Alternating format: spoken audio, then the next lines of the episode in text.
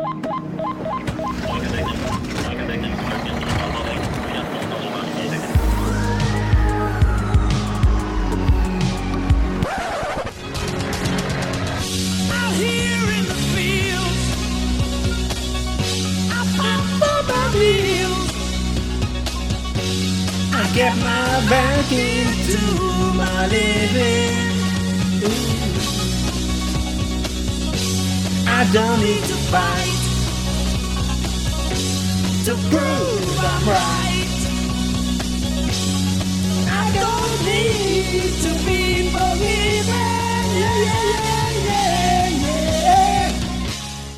Velkommen tilbake til andre del av podkastepisoden. Nå skal vi snakke om brannetterforskning. Hvorfor skal vi egentlig etterforske disse brannene, da? Vi ser jo det på som et, eh, et samfunnsproblem eller et samfunnsutfordring. Det er jo Samfunnsøkonomisk så koster det oss ganske mye. Det brenner mye i Norge. Og vi har jo en del dødsfall med tanke på, på branner. Eh, og i det siste så får vi jo mer og mer ting i huset som kan brenne. eh, enn det vi hadde før. Og når det gjelder politiet, da, så, så er vi jo lovpålagt og bl.a. gjennom straffeprosessloven og påtaleinstruksen at vi skal etterforske branner. Men det trenger ikke være på bakgrunn av at vi mistenker at det er et straffbart forhold. Eh, Det kan være nok at vi skal forebygge for eh, å informere og opplyse om mulige årsaker til brannen. For å forebygge nye branner og finne feil på produkter. Og avdekke da, eventuelle straffbare forhold. Når det gjelder etterforskninga, så er det jo politiet som er ansvaret for etterforskningen. Og så får vi bistand da fra andre aktører, f.eks. brannvesenet. Ja, Brannvesenet, da. vi er jo ikke pålagt, vi er ikke lovpålagt å delta i brannetterforskning. Eh, Vi har jo ikke noe, ikke noe lov som sier at det skal. Men det som er greit å, å ta med seg og huske, det er at den deltakelsen i brannetterforskningsgrupper og sammen med politi og DLE, den, det kan vi faktisk forankre i forskrift om brannforebygging. Eh, eh, I paragraf 19 andre tiltak mot brann.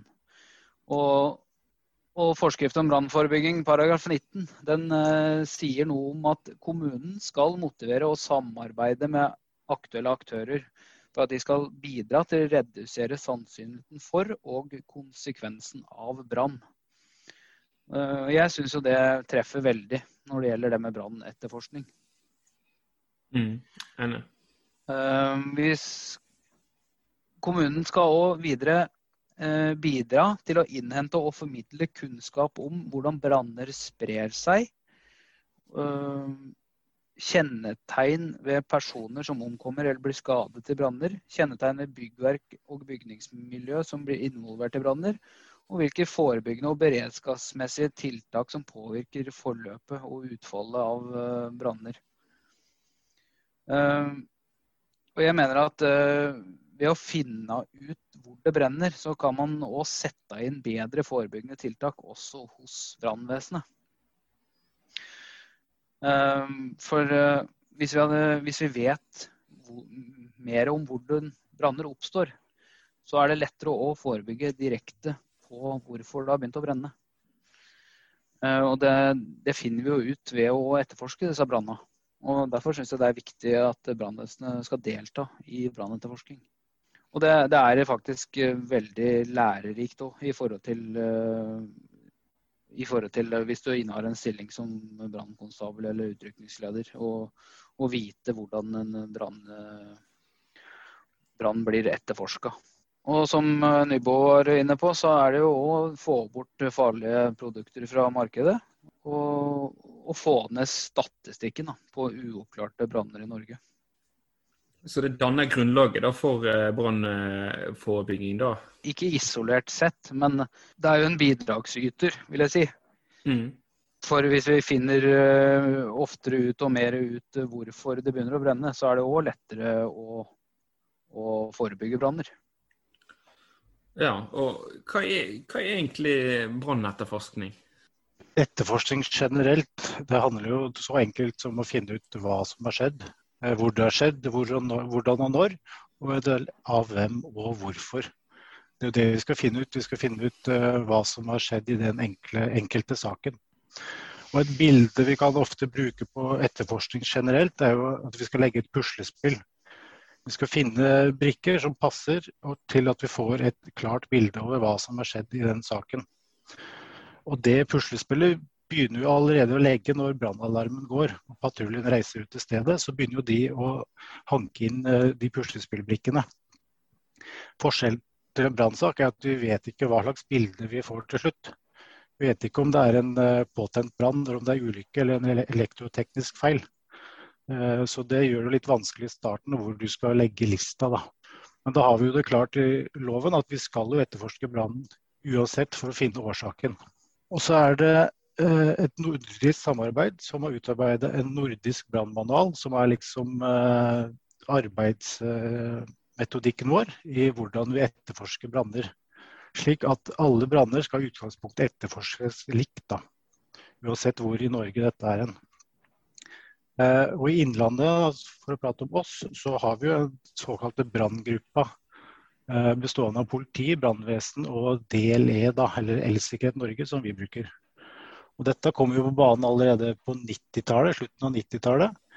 Men jeg tror det praktiseres litt ulikt rundt omkring i landet om hvem som er med på de branngruppene. I Innlandet så fungerer det veldig bra. Og vi har et godt samarbeid med både brannvesen og Elsikkerhet Norge. Eh, Selve brannetterforskninga fra politi, politiets side kan vi dele inn i, i tre, tre faser. Vi har den utrykninga med patruljen som får meldinga om brannen. De reiser dit, får kontroll på stedet, får oversikt over hva dette dreier seg om. Og sikrer åstedet og eventuell nødvendig sporsikring og får kontroll på eventuelle vitner. Og så er det en taktisk etterforskning da, som tar over og har ansvaret for saken. De tar eh, eventuelle flere avhør, innhenter opplysninger av eh, mobiltelefon, eh, elektroniske systemer, rundspørringer, sånne ting. Og så ber de oss om bistand da, til en teknisk etterforskning. Og det er jo den selve åstedsundersøkelsen som vi tar sammen med branngruppa. Og Det handler om å grave ut åstedet egentlig, og finne brannårsaken, arnested og brannårsaken. Så er det samarbeidet mellom teknisk og taktisk som er suksessfaktoren er i de fleste saker.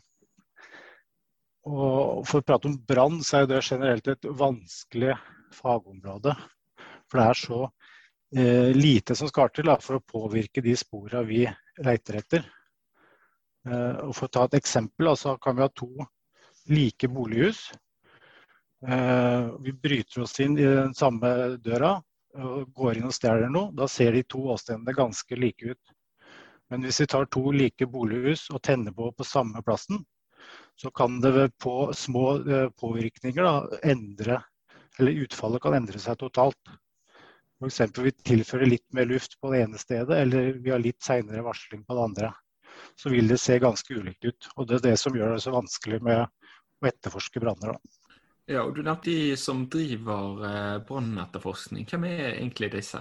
I politiet så er det jo flere aktører, egentlig. Vi har jo patruljen som reiser ut. Vi har etterforskere som eh, sitter og tar avhør. Og så har vi bl.a. krimteknikere som undersøker åstedet. Eh, Og patruljer og etterforskere kan jo foreta åstedsundersøkelser eh, i enkelte saker. Det finnes jo mange som har god kunnskap om branner der òg. Men ofte så prøver å bruke kriminalteknikere til selve åstedsundersøkelsen, da. Men det, uansett nesten hva du jobber med i politiet, så vil du komme inn i en brannsak på kanskje en eller annen måte. Og Så prater vi om Elsikkerhet Norge, DLE, som bistår oss. Og De bistår for å kunne fastslå eller utelukke elektronisk elektrisk brannårsak. Og De har da utarbeida brannutredningsgrupper eh, innenfor eh, dette fagområdet.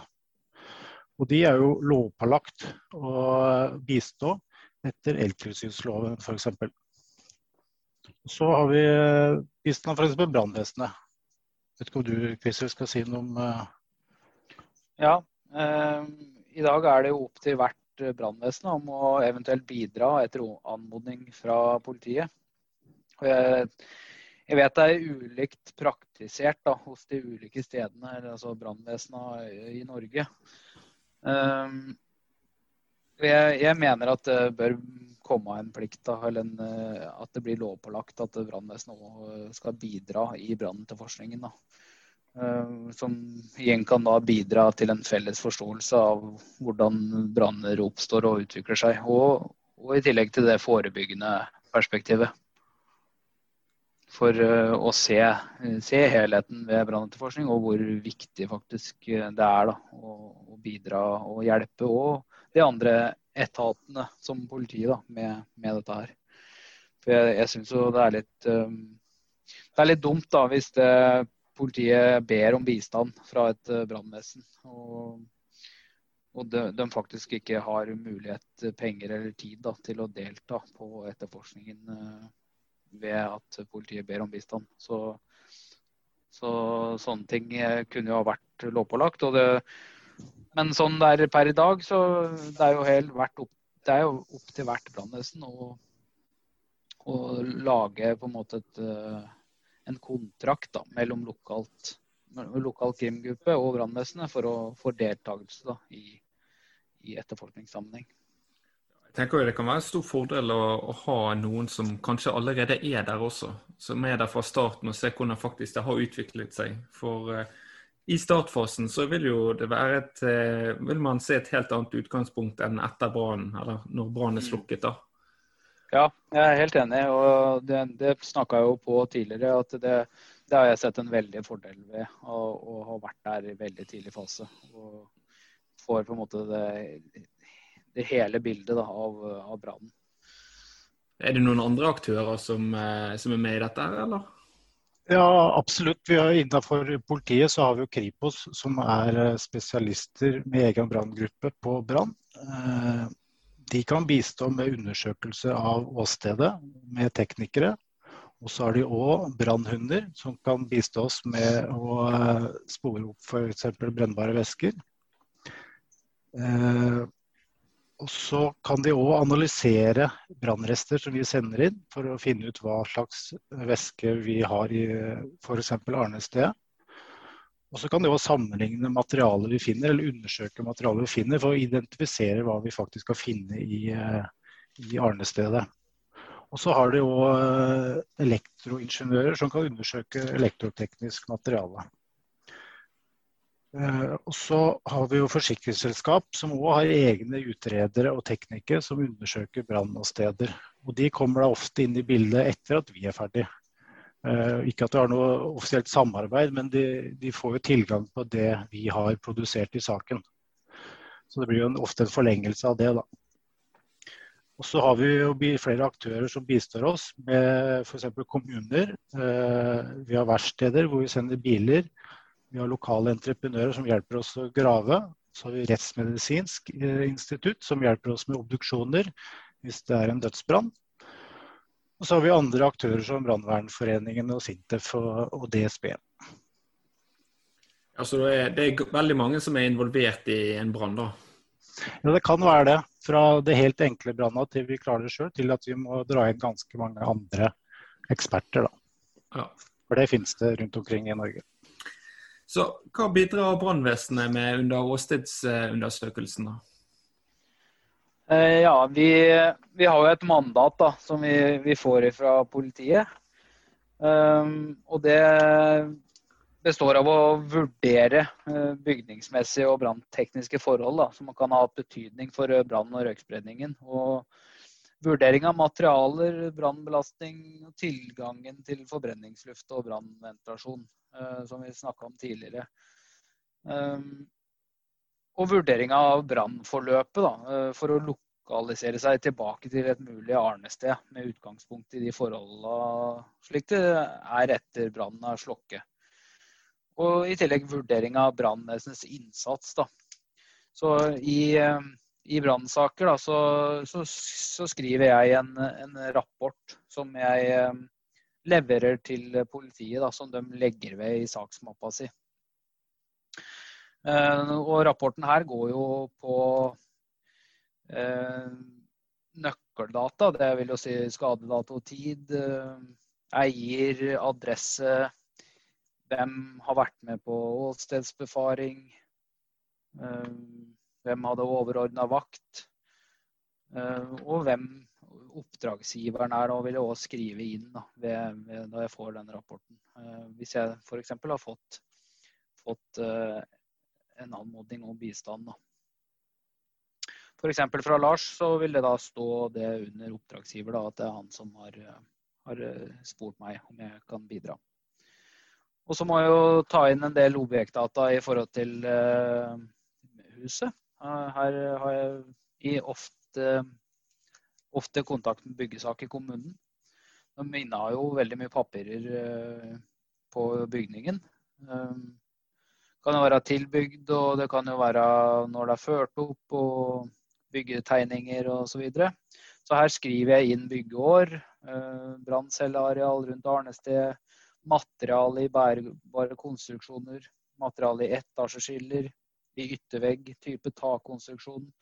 Om det er ett, to eller tre glass vinduer, det har jo mye å si, som vi snakka på i forhold til f.eks. brannrommet og hvordan utviklinga har vært. Så type rømningsveier, deteksjon, røykvarslere, brannalarmanlegg. Og om det har vært slokkeutstyr. Da. Om det er brukt, f.eks. Og så legger jeg opp det med en del bilder som jeg tar for meg fra brannetterforskninga, som viser eh, brannskadebildet og hvordan brannen har utvikla seg. Og, og legger òg inn faktorer som jeg mener har hatt betydning i forhold til uh, lufttilførsel uh, osv. Uh, og her òg en, en god indikasjon er jo er jo et, uh, hvor lavt brannen har brent. Som da kan tyde på, tyde på hvor brannen har starta. Eh, men der, eh, som vi snakka på, at det kan bli lurt i forhold til hvordan vinduer, dører og ventiler og sånne ting har påvirka utviklinga i, i brannbildet. Og hvor brannen har dratt den i forhold til hvordan den har fått tilgang på oksygen. Pleier òg å innhente bilder F.eks. fra byggesak eh, skisse over bygget. Veldig lett å tegne inn. Bruke Word, tegner inn i, i skissa hvordan jeg mener brannen har, har spredd seg i bygget. Um, Hvordan sender du dette inn? da? Er dette en sånn database som dere bruker, eller? Ja, dette blir sendt uh, til uh, politiet, og, og, de legger det da inn i, i uh, saksmappa da, på saken. Ok. Som brannvesenet sin uttalelse av brannen. tar jo for seg beskrivelse av bygningen, som, og vi prater jo med byggesak.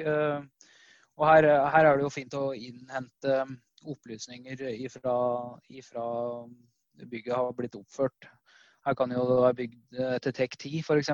Og det vil jo si noe om, om byggeforholdene og hvordan dette bygget er oppført da, i forhold til det med vinduer og der kravet til brannspredning eh, er definert. Um, og så skal jeg si noe om tilstanden ved brannvesenets ankomst. Da. Og her er det jo en uh, utrykningsrapport og en uh, røykdykkerrapport som ligger til grunn.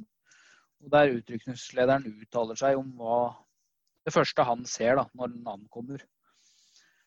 Um, og det kan jo f.eks.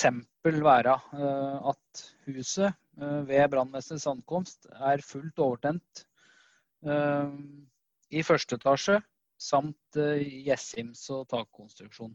Flammer 3-5 meter over tak. Det kan jo, og Utrykningslederen er en viktig faktor her i, forhold til mitt arbeid ved å danne denne rapporten. Men jeg tar òg for meg slokkeinnsatsen. Der uh, hva som har skjedd i, i slokningsfasen, hva brannvesenet har gjort. Hvordan brannen på en måte har blitt påvirka av brannvesenets innsats. Da. For det kan jo ha mye å si i forhold til etterforskninga. For hvis, hvis vi f.eks. har et hus da, der brannen er eh, på venstre side av huset. Og så har du et tilstøtende hus eh, litt lenger bort, da, på samme sida. Så, kan det hende at vi som en, eh, en, et umiddelbart tiltak vil vil begrense at det hindrer brannsmitte over til nabohuset.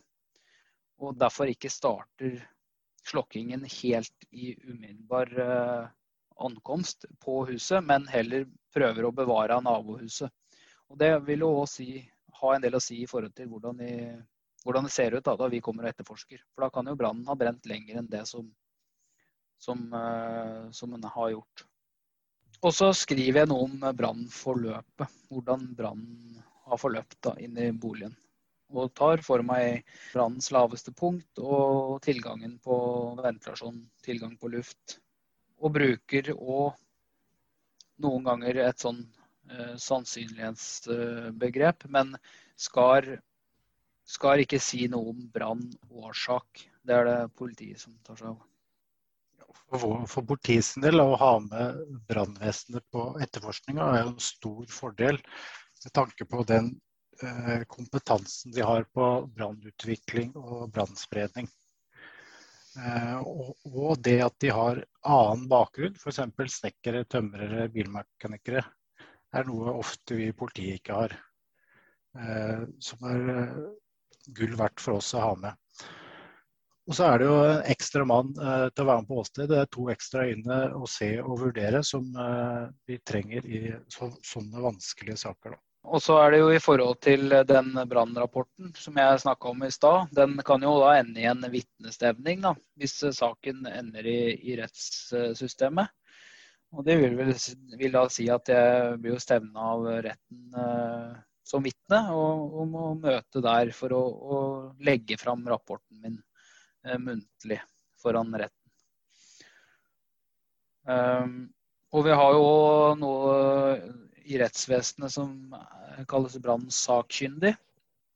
Og det er jo ifølge Riksadvokatens rundskriv 373 eh, dersom det er mistanke om ildspåsettelse og det kan bli tale om siktelse for overtredelse av straffelovens paragraf 148, skal det alltid innhentes uttalelse fra brannsakkyndig. Etter ny straffelov er dette videreført da, i straffelovens paragraf 355 og 355 a. Det er fremkalling av fare for allmennheten uh, i grov forstand. Uh, Den brannsakkyndige skal da ha et mandat og opprettes av retten. Og den brannsakkyndige den vil da beskrive om, eh, eller si noe om hvordan brannen ville ha utviklet seg dersom den ikke hadde blitt oppdaget og slokka i tide. Den skal også beskrive spredningen av ild og røyk og hvor lang tid det ville ha gått da, før rømningsveier ikke var brukelige. Bl.a. pga. brannen. Og risikoen for tap på menneskeliv eller ødeleggelse av eh, eiendom.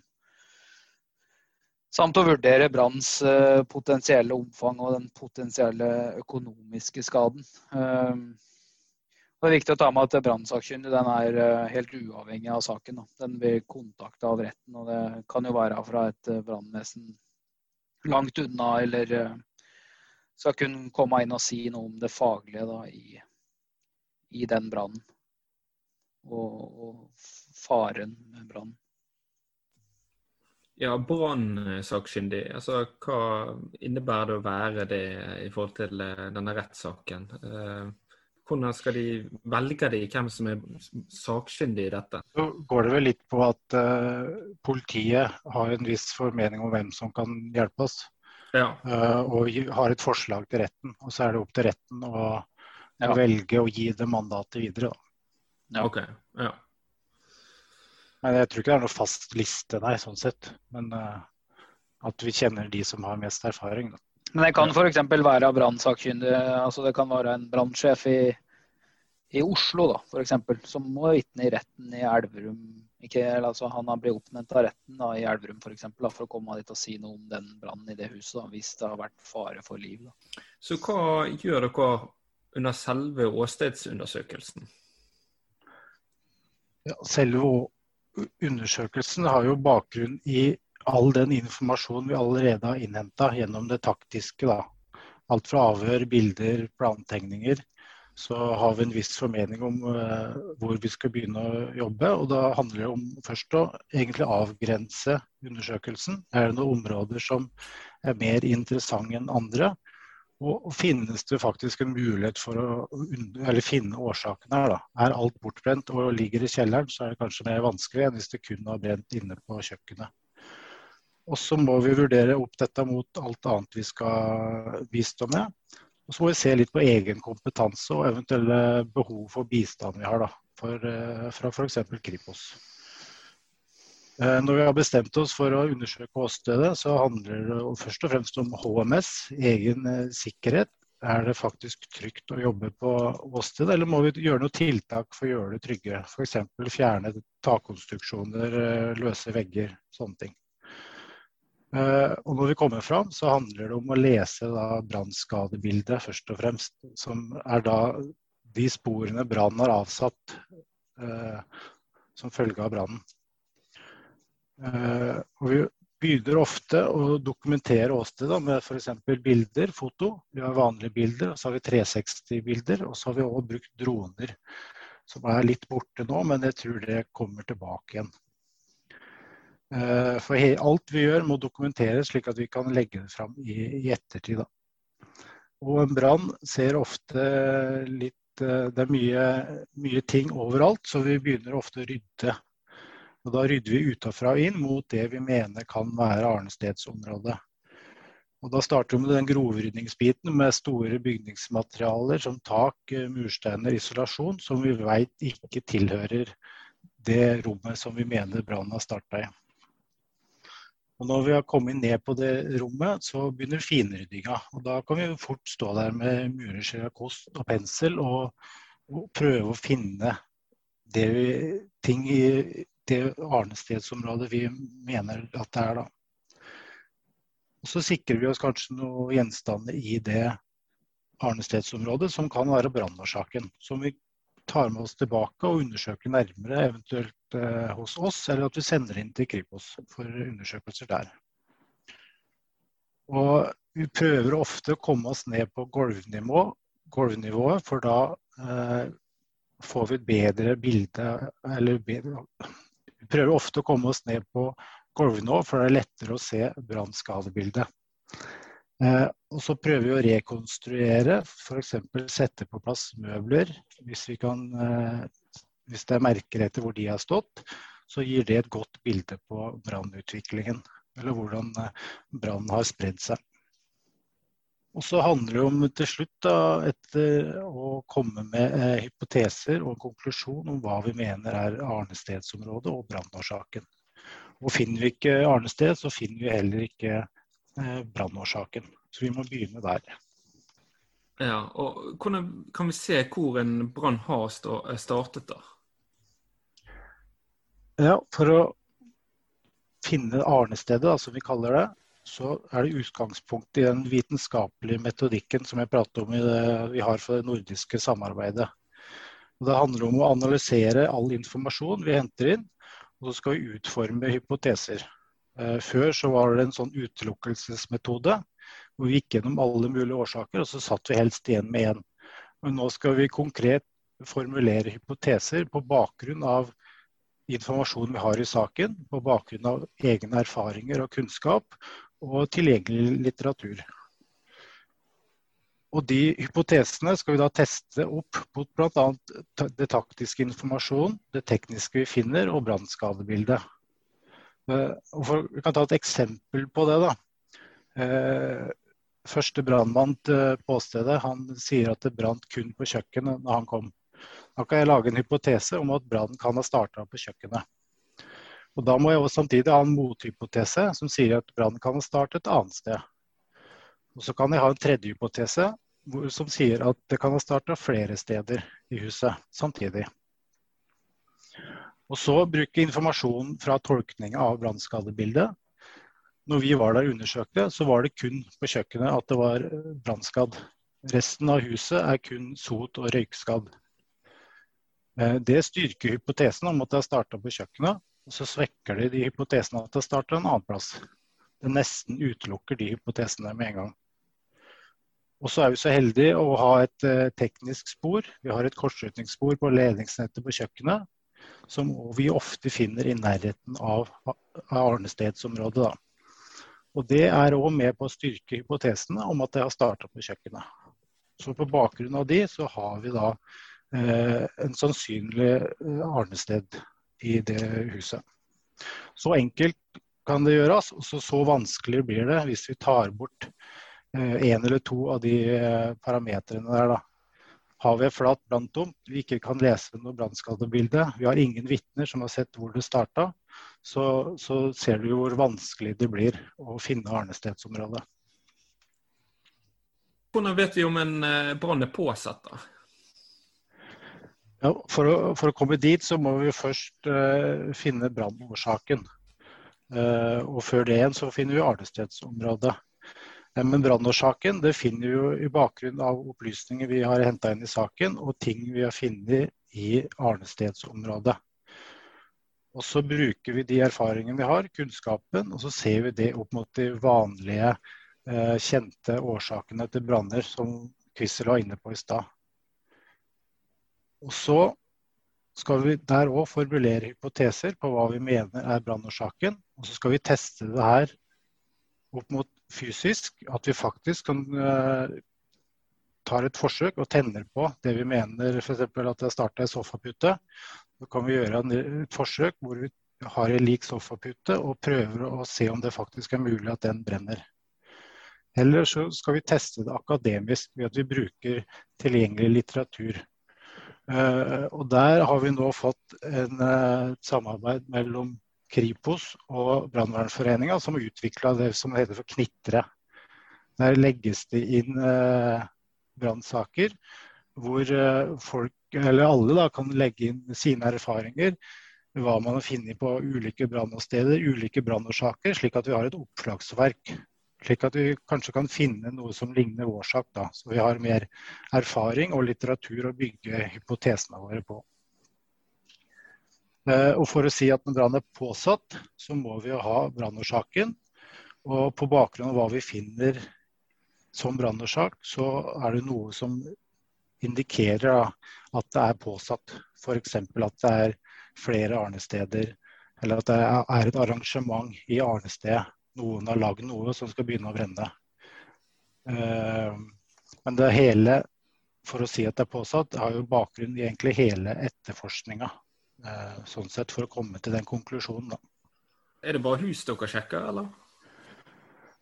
Alt av branner er egentlig eller er interessant, for det står jo det i loven at alle branner skal etterforskes. Eh, som oftest er det jo bygninger det brenner i. Men vi undersøker òg kjøretøy eller kun spesifikke elektriske produkter. Da. Hvis det kun har brent en kaffetrakter, så kan vi undersøke den. Vi trenger ikke å ha en åstedsundersøkelse. Eh, men de blir ofte brukt i de mer alvorlige brannene, der kanskje det er en mistanke at det har eh, skjedd noe. Eller at det har en viss verdi. da. Eh, Sjøl om vi ser jo at det er de små brannene vi kanskje har noe å hente med tanke på hvordan de store brannene utvikler seg. Så det er litt en vanskelig balansegang om hva vi skal bistå med. Men uh, vi prøver å bistå med de brannene vi, vi, kan og har tid til. Det er egentlig det det går på. Ja.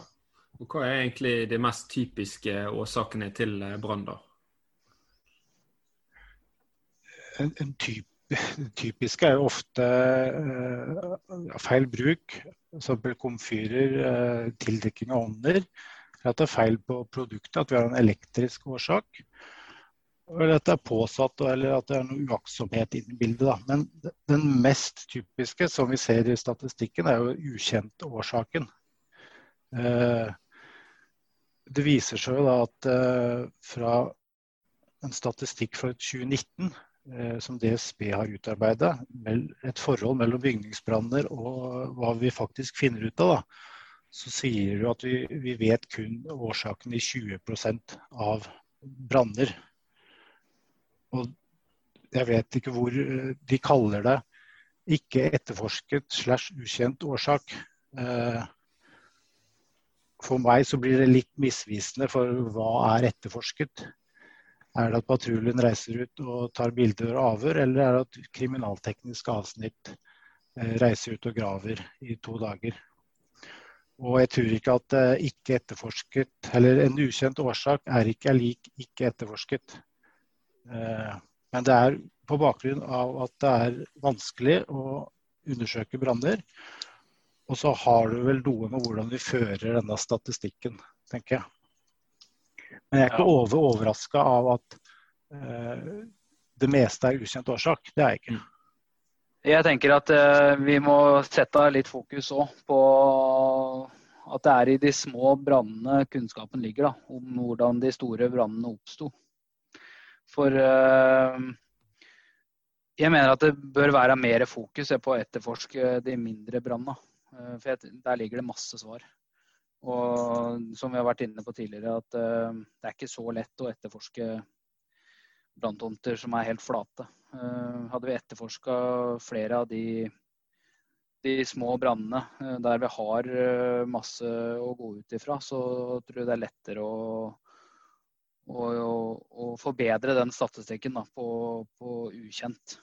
Eh, Jeg vil nevne Tor Adolfsen eh, sin eh, siste rapport da, som peker på føring av statistikk av branner. Han kom jo, kom jo med en rapport her. At det kan faktisk òg være feil om hvordan branner starter, og om i det hele tatt hadde blitt noen brann, sjøl om det føres som dette da, i, i statistikken. Og da tenker jeg på branntilløp, eh, Komfyr bl.a. Han, han tar jo for seg disse her, og han forsøker det. Og, og viser jo det, at det er jo faktisk ikke sikkert det hadde blitt noen brann. Sjøl om det blir ført som et branntilløp. Um, så jeg, jeg syns det er veldig viktig at brannvesenet òg har kjennskap til de ulike årsakene eh, til hvordan branner oppstår. For det er ikke sikkert at uh, den kjelen med poteter eller grønnsaker på komfyren hadde begynt å brenne. Um, men at det da likevel føres som branntilløp. For som uh, Thor har gjort, da, han har jo da testa dette her han, i, i laboratoriet og f.eks. brukt poteter da, som inneholder 88 eh, tror jeg, med vann. Satt på dette her eh, på 750 watt over lang tid, og, og beviser det at dette her tar faktisk aldri fyr. Så, så jeg, jeg mener at det er, det er veldig viktig at uh, brannvesenet har kjennskap til eh, hvordan det oppstår brann. Ja, jeg tenker jo Hvis vi får etterforsket de små, da, eh, så kan vi faktisk hindre de store òg. Absolutt. Ja, da kan vi hindre de, de store i å faktisk oppstå. Så, så um, å få, få en mer etterforskning på de små brannene syns jeg er helt utslagsgivende for å få, få ned den statistikken. Og Hvordan er det i forhold til eh, dødsfall, da? Jeg kan ta eh, for Innlandet i 2020, 2020 så uh, har vi uh, sju dødsbranner i, fjor. Som jeg tror er det meste som har vært på de åra jeg har jobba her. Eh, og vi ser jo da at eh, snittalderen er eh, 68 år. Så det er en del eldre folk som dør i, i branner. Og på landsbasis, eller siden man starta med en registrering av omkomne i branner fra 79, så er det i snitt 61 personer som dør eh, hvert år av brann. Eller i brann. Eh, og over 80% av de er jo omkommet i boligbranner. Det er jo et utrolig høyt tall. Eh, Hvordan kan vi forebygge dette, da? Uh, Ukjentstatistikken uh, kan vi få ned ved, å, ved bedre prioritering av å etterforske branner. Også de små brannene som jeg nevnte. Um, for der å, å, å finne kunnskapen da, om uh, hvordan de store brannene oppstår. Um, I forhold til eh, liv og dødsbranner, så røykvarslere redder liv. Um, nå har det heldigvis blitt lovpålagt uh, at det skal være en røykvarsler i hver etasje. Um, for det er, som vi, de fleste vet, at det er røken vi dør av. Jeg anbefaler alle jeg prater med, at de òg har røykvarsler på soverommet sitt. For uh, der er vi mest sårbare, og det er der vi sover. Og vi tilbringer faktisk masse tid. Um, Og det er mange som sover med soveromsdøra igjen, og det lades uh, telefoner uh, bl.a. på nattbordet osv. Um, og det er klart at en uh, liten brannstart her uh, med sivende giftig brannrøk når du sover, kan være nok til at du ikke våkner i det hele tatt. Så her er røykvarsleren helt livsviktig i forhold til den statistikken om dødsbranner. Burde det være lovpålagt å ha også ha røykvarslere på soverommet. Kunne det vært noe?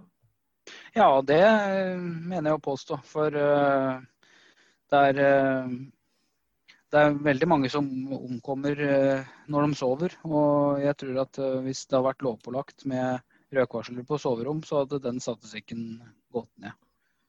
Mm. og så, som sagt, er det lettere å ha kampanjer osv. Hvis vi vet faktisk vet brannårsaka. Hvorfor har det begynt ja. å brenne? Så hvordan blir man egentlig en, eh, en brannutreder eller en kriminaltekniker?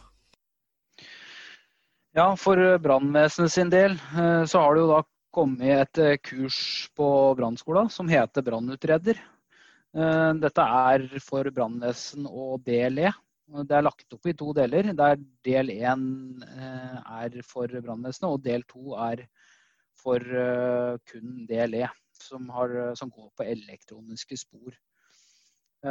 Jeg håper jo personlig at det blir en del to for brannvesenet òg, der, der, vi lager en praktisk del da, som går direkte på åstedsundersøkelse. Og hvordan opptre. Og hva vi skal gjøre på et åsted.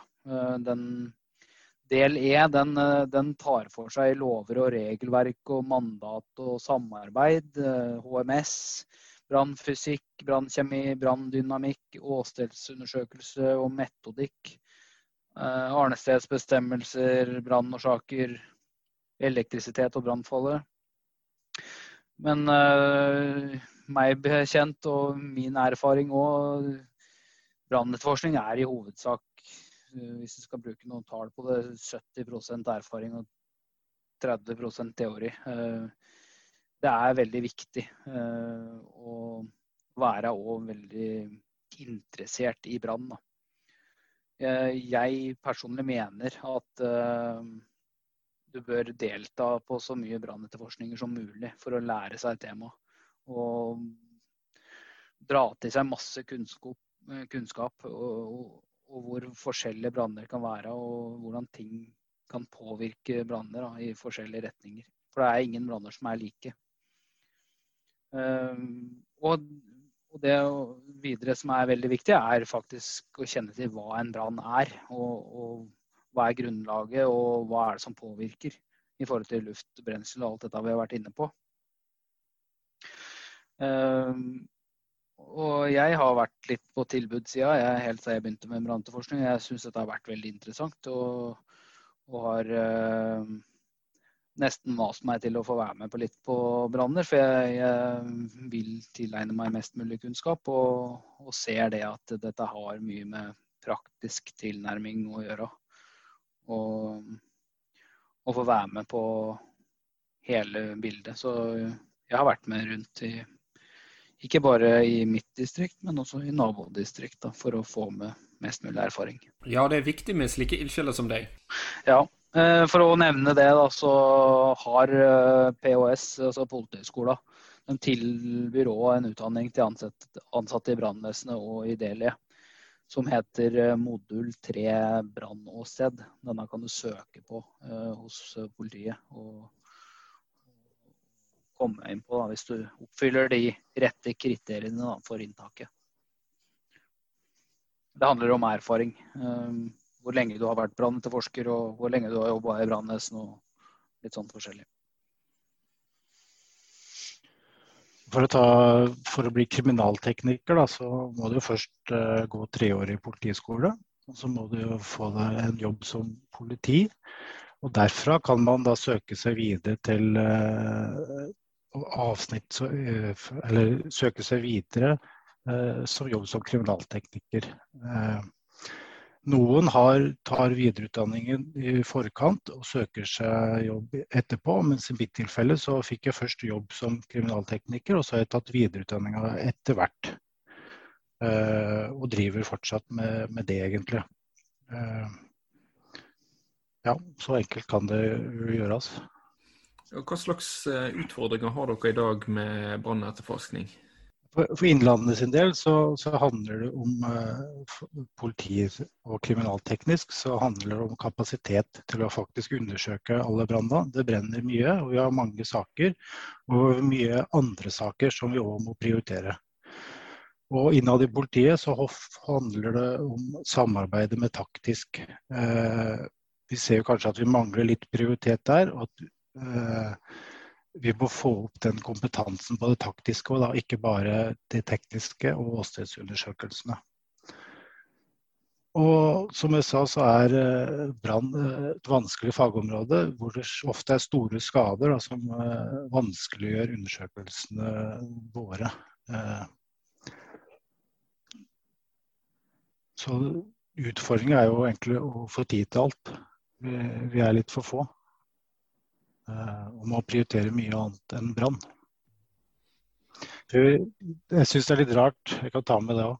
Eh, jeg syns det er litt rart at vi i politiet vi har egne avsnitt for økonomi, vi har egne avsnitt for narkotika, vi har egne avsnitt for trafikk, eh, egne avsnitt for vold og sedelighet. Men vi har ikke egne spesialister som driver med brann.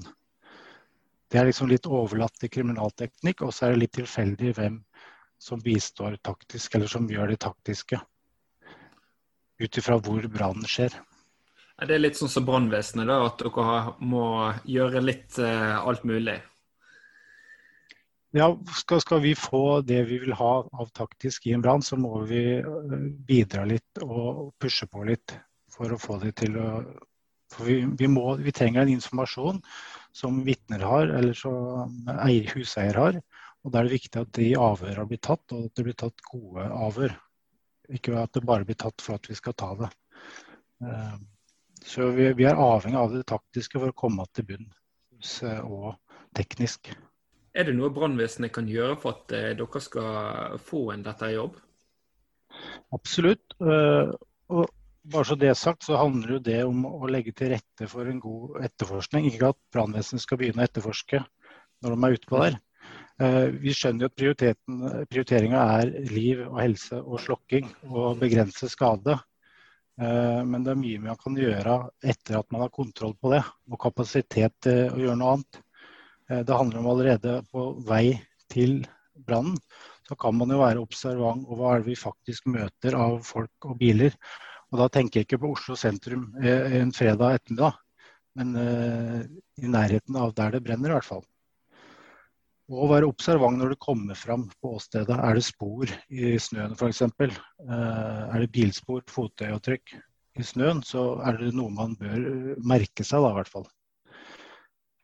Og det vi ser ofte som er til god hjelp, er jo beskrivelsen av eh, brannutviklinga idet brannvesenet kommer fram. De er ofte først på brannen. Eh, og en enkel måte å sikre seg det på, er å ta et bilde. Eh, har man to bilder av eh, huset på diagonalen, så har vi god oversikt over alle husets fire sider. Og vi enkelt kan se hvor det brenner. F.eks. at det brenner kun på kjøkkenet når brannvesenet kom. Det er en god indikasjon og kan avgrense da våre undersøkelser seinere. Også når man har kontroll på brannen, man har fått slått, så må man tenke på at det her skal kanskje undersøkes av oss. At det er et åsted da har vi noe i politiet som heter åstedsdisiplin. Eh, og det handler om å ikke ødelegge åstedet og bevare det slik det er nå, fram til vi kommer og undersøker det. Og Det gjelder òg egentlig trafikkulykker, hvis vi kan ta med det i samme slengen. At vi trenger ikke å koste veibanen det første vi gjør når vi kommer fram, eller flytte på ting. Bare la det være. Når det gjelder brann, så handler det om å ikke ødelegge ting som ikke trenger å ødelegge. Ikke flytt på møbler bare for å flytte det. Ikke bruk den sterkeste strålen du har hvis vi har kontroll på brannen. Eh, og så skal vi heller ikke legge igjen ting i branntomta. F.eks. brusflasker, sneiper, eh, snusposer. For finner vi det, så må vi også bruke tid på det. Det må man ha egne plasser til å samle søppel. Eh, Så handler det om å ikke forurense åstedet, men f.eks. dra inn eh, brennbar væske. Da. Man skal bruke motorsag for å skjære opp en vegg, og så må man fylle bensin på den. Da bør det skje utendørs og på en egnet plass, og helst av noen andre enn den som skal inn og bruke motorsaga. Da unngår vi at vi drar med oss bensin fra ute og inn i f.eks. stua. For hvis vi da kommer med en brannhund tre dager etterpå, så finner den den bensinen. Da må vi bruke tid på å utelukke eller eh, bekrefte hvorfor det er der. Og så ser jeg òg, eh, kanskje mer på mindre plasser, at man ofte prater med huseiere, naboer, vitner som er og ser på at eh, dere jobber. Og Da kan man fort påvirke de vitnene, for man forteller litt hva man har gjort, og hva, hvor man mener brannårsaken er. da. Så Jeg har ofte lest vitneavhør som sier at eh, ja, men brannvesenet sa at det hadde starta i andre etasje.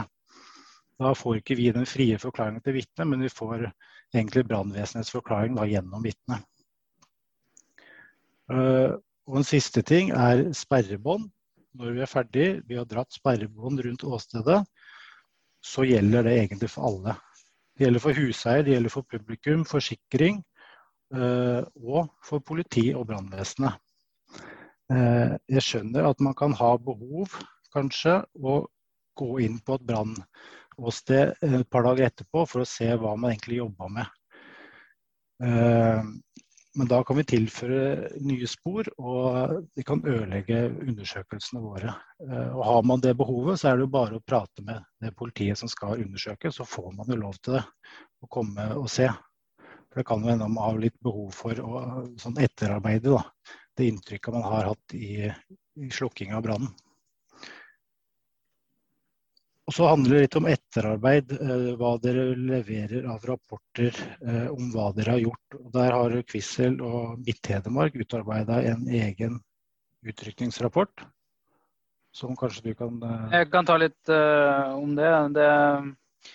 Har lagd en sjekkliste eh, etterforskningsrapport etter bygningsbranner, eh, som er lagd lokalt eh, med politiet i Elverum.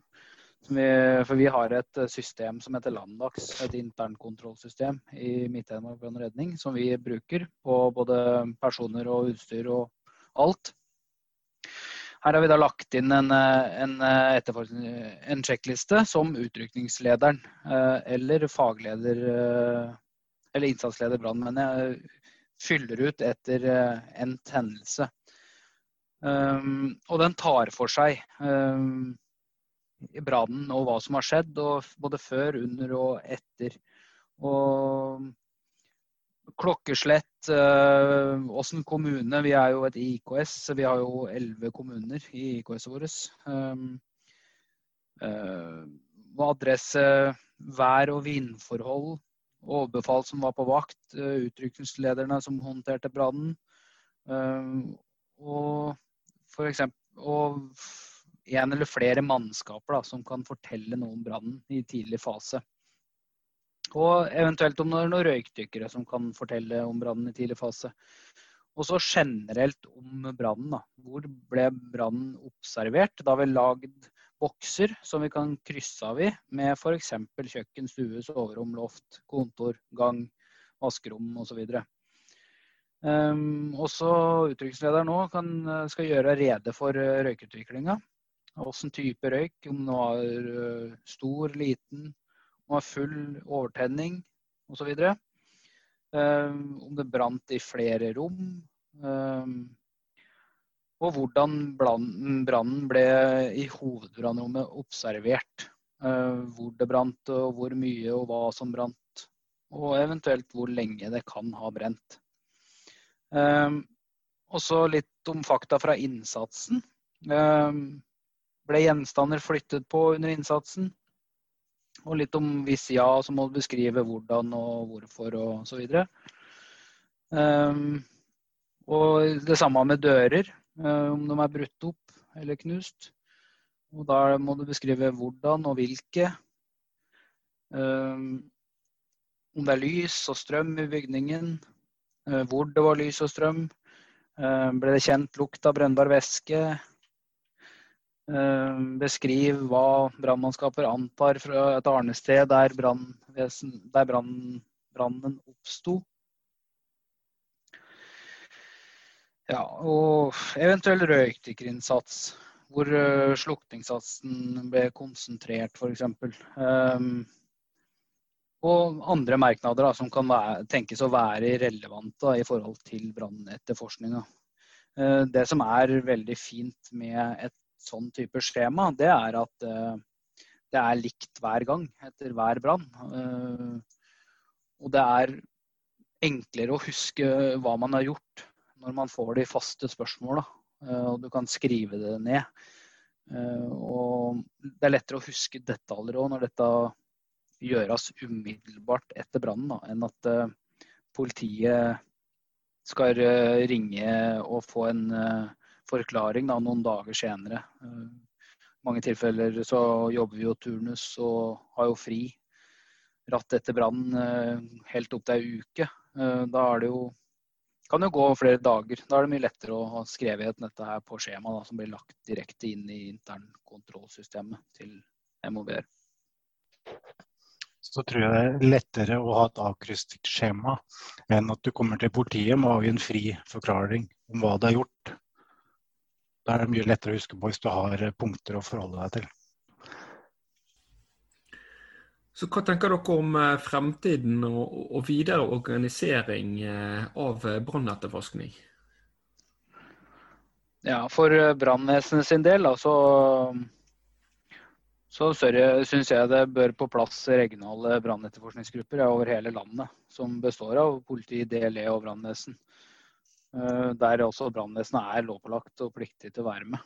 Og det er viktig å tenke og vite det da, for brannvesenet sin del, at dette kan forankres i forskrift om eh, brannforebygging, paragraf 19. Og så bør den enkelte se fordelen av å etterforske branner og danne seg et grunnlag til å forebygge branner. Hvorfor branner oppstår. Jeg syns også det, dette her bør bli et uh, fast undervisningstema hos Norges brannskole. Både på grunnkurs og utviklingslederkurs. Og, og fortsette òg den utviklinga med den undervisninga som er i dag. Uh, kanskje ved å videreføre og, og og gi brannvesenet lov da, til å delta på del to, som kanskje òg blir retta litt mer mot eh, åstedsundersøkelse i praksis da, og praktisk form. Viktig å få inn uh, mye av det der eh, med brannetterforskninga tidlig i grunnutdanninga og som, uh, som brannmann. For å bl.a. det med åstedsdisiplin og bevare brannåsteda, sånn som Nybo var inne på. Det er klart, Jeg har nå ikke vært inne på det i det hele tatt, og dette er jo helt nytt for min del. Jeg merker jo selv at det med åstedsdisiplin, det er ikke alle som inne, innehar. Og jeg har jo selv eh, Jeg kan ikke si at jeg har gjort eh, ting, da, men jeg har jo eh, ikke tenkt så mye på det når jeg har vært på et, eh, på et åsted. Nei, og det, og det er sånn er det jo. Eh, når det brenner, så blir jo òg fokuset veldig på hva man skal gjøre akkurat der og da. Eh, man tenker kanskje ikke eh, helt ut hendelsen hver gang. Og det er klart at det er lett å glemme i kampens hete at og du har, du har, en ledelse, du har utrykningsledere som vil at du skal gjøre ditt og, du, og datt. Og du må forte deg f.eks. Fylle bensin på motorsaga, du drar med deg kanna, du bare fyller av ut på trappa og løper inn igjen. Det, det, er sånne ting som man kan tenke på da, hvis man, uh, hvis man vet det. Ja, det er fort gjort, men jeg skal ta det med meg. Mm. Så, som jeg sa i stad, det handler jo om eh, Vi skjønner jo at i kampens hete så gjør man ting for å slokke brann. Det er jo ikke det det går på. Det er når man har tid og kapasitet til å tenke, eh, tenke seg om, da, eller eh, tenke videre. Men eh, det er jo, pri én er jo å få slukket brann og redde liv. Det skjønner alle. Ja, selvfølgelig. Jeg tenker jo at Hvis vi får et litt større fokus da med dette her, f.eks. på grunnkurs eller på eh, BR1 eller utdrikningslederkurs, da, så, så, så, har vi det litt mer i bakhodet. For det, det, er jo veldig liten fokus på dette her eh, generelt. Mm. Ja, jeg er helt enig. Og hvis vi eh, Målet vårt med dette er å være med og, og delta på det det vi er igjennom nå, er jo å få formidla den kunnskapen da, og hvor viktig dette vi syns det er da, i forhold til, til uh, andre brannvesen. Ja. Men hvordan er det i politiet, da? Altså, hvordan, hva tenker dere om framtiden der da, og videre organisering? Nei, Vi skulle gjerne ønske at vi, vi var flere, så, så, vi kunne undersøkt alle de små brannene òg, i tillegg. Eh, men for vår del så handler det om å pleie egentlig det forholdet vi i Innlandet har nå da, til brannvesenet og DLE. Vi har et godt samarbeid som vi, vi tjener mye på. da. Eh, men sånn spesifikt som jeg pratet om i stad, at vi kanskje bør få på plass egne taktikere og eh, påtalejurister som kan mer om brann enn det vi, det vi, har i dag. For det blir litt overlatt til eh, teknisk avsnitt. Men nå ser jeg at uh, tiden løper fra oss, uh, og vi er nødt til å runde av episoden. Uh, tusen takk for at dere ville være med på å lage episode med oss, Lars og Lars. dette her var jo helt nytt for min del, og det var utrolig lærerikt. og igjen, hvis det er noen som ønsker å være med på podkasten, så er det bare å ta kontakt. Ja, takk for at vi fikk være med. og Jeg håper at dette ga et innblikk på hva brannetterforskning er. og jeg vil at de som hører på, bare tar kontakt om det er noen spørsmål eller noe jeg kan eh, hjelpe til med. Jeg eh, jobber som sagt i Midt-Hedmark brann- og redningsvesen. Ja, jeg vil takke for at vi eh, i politiet òg fikk være med og gi et lite innblikk i hva vi gjør under brannetterforskning. Takk for det. Følg oss på sosiale medier, og følg med videre, for vi kommer med nye episoder fortløpende. Vi høres.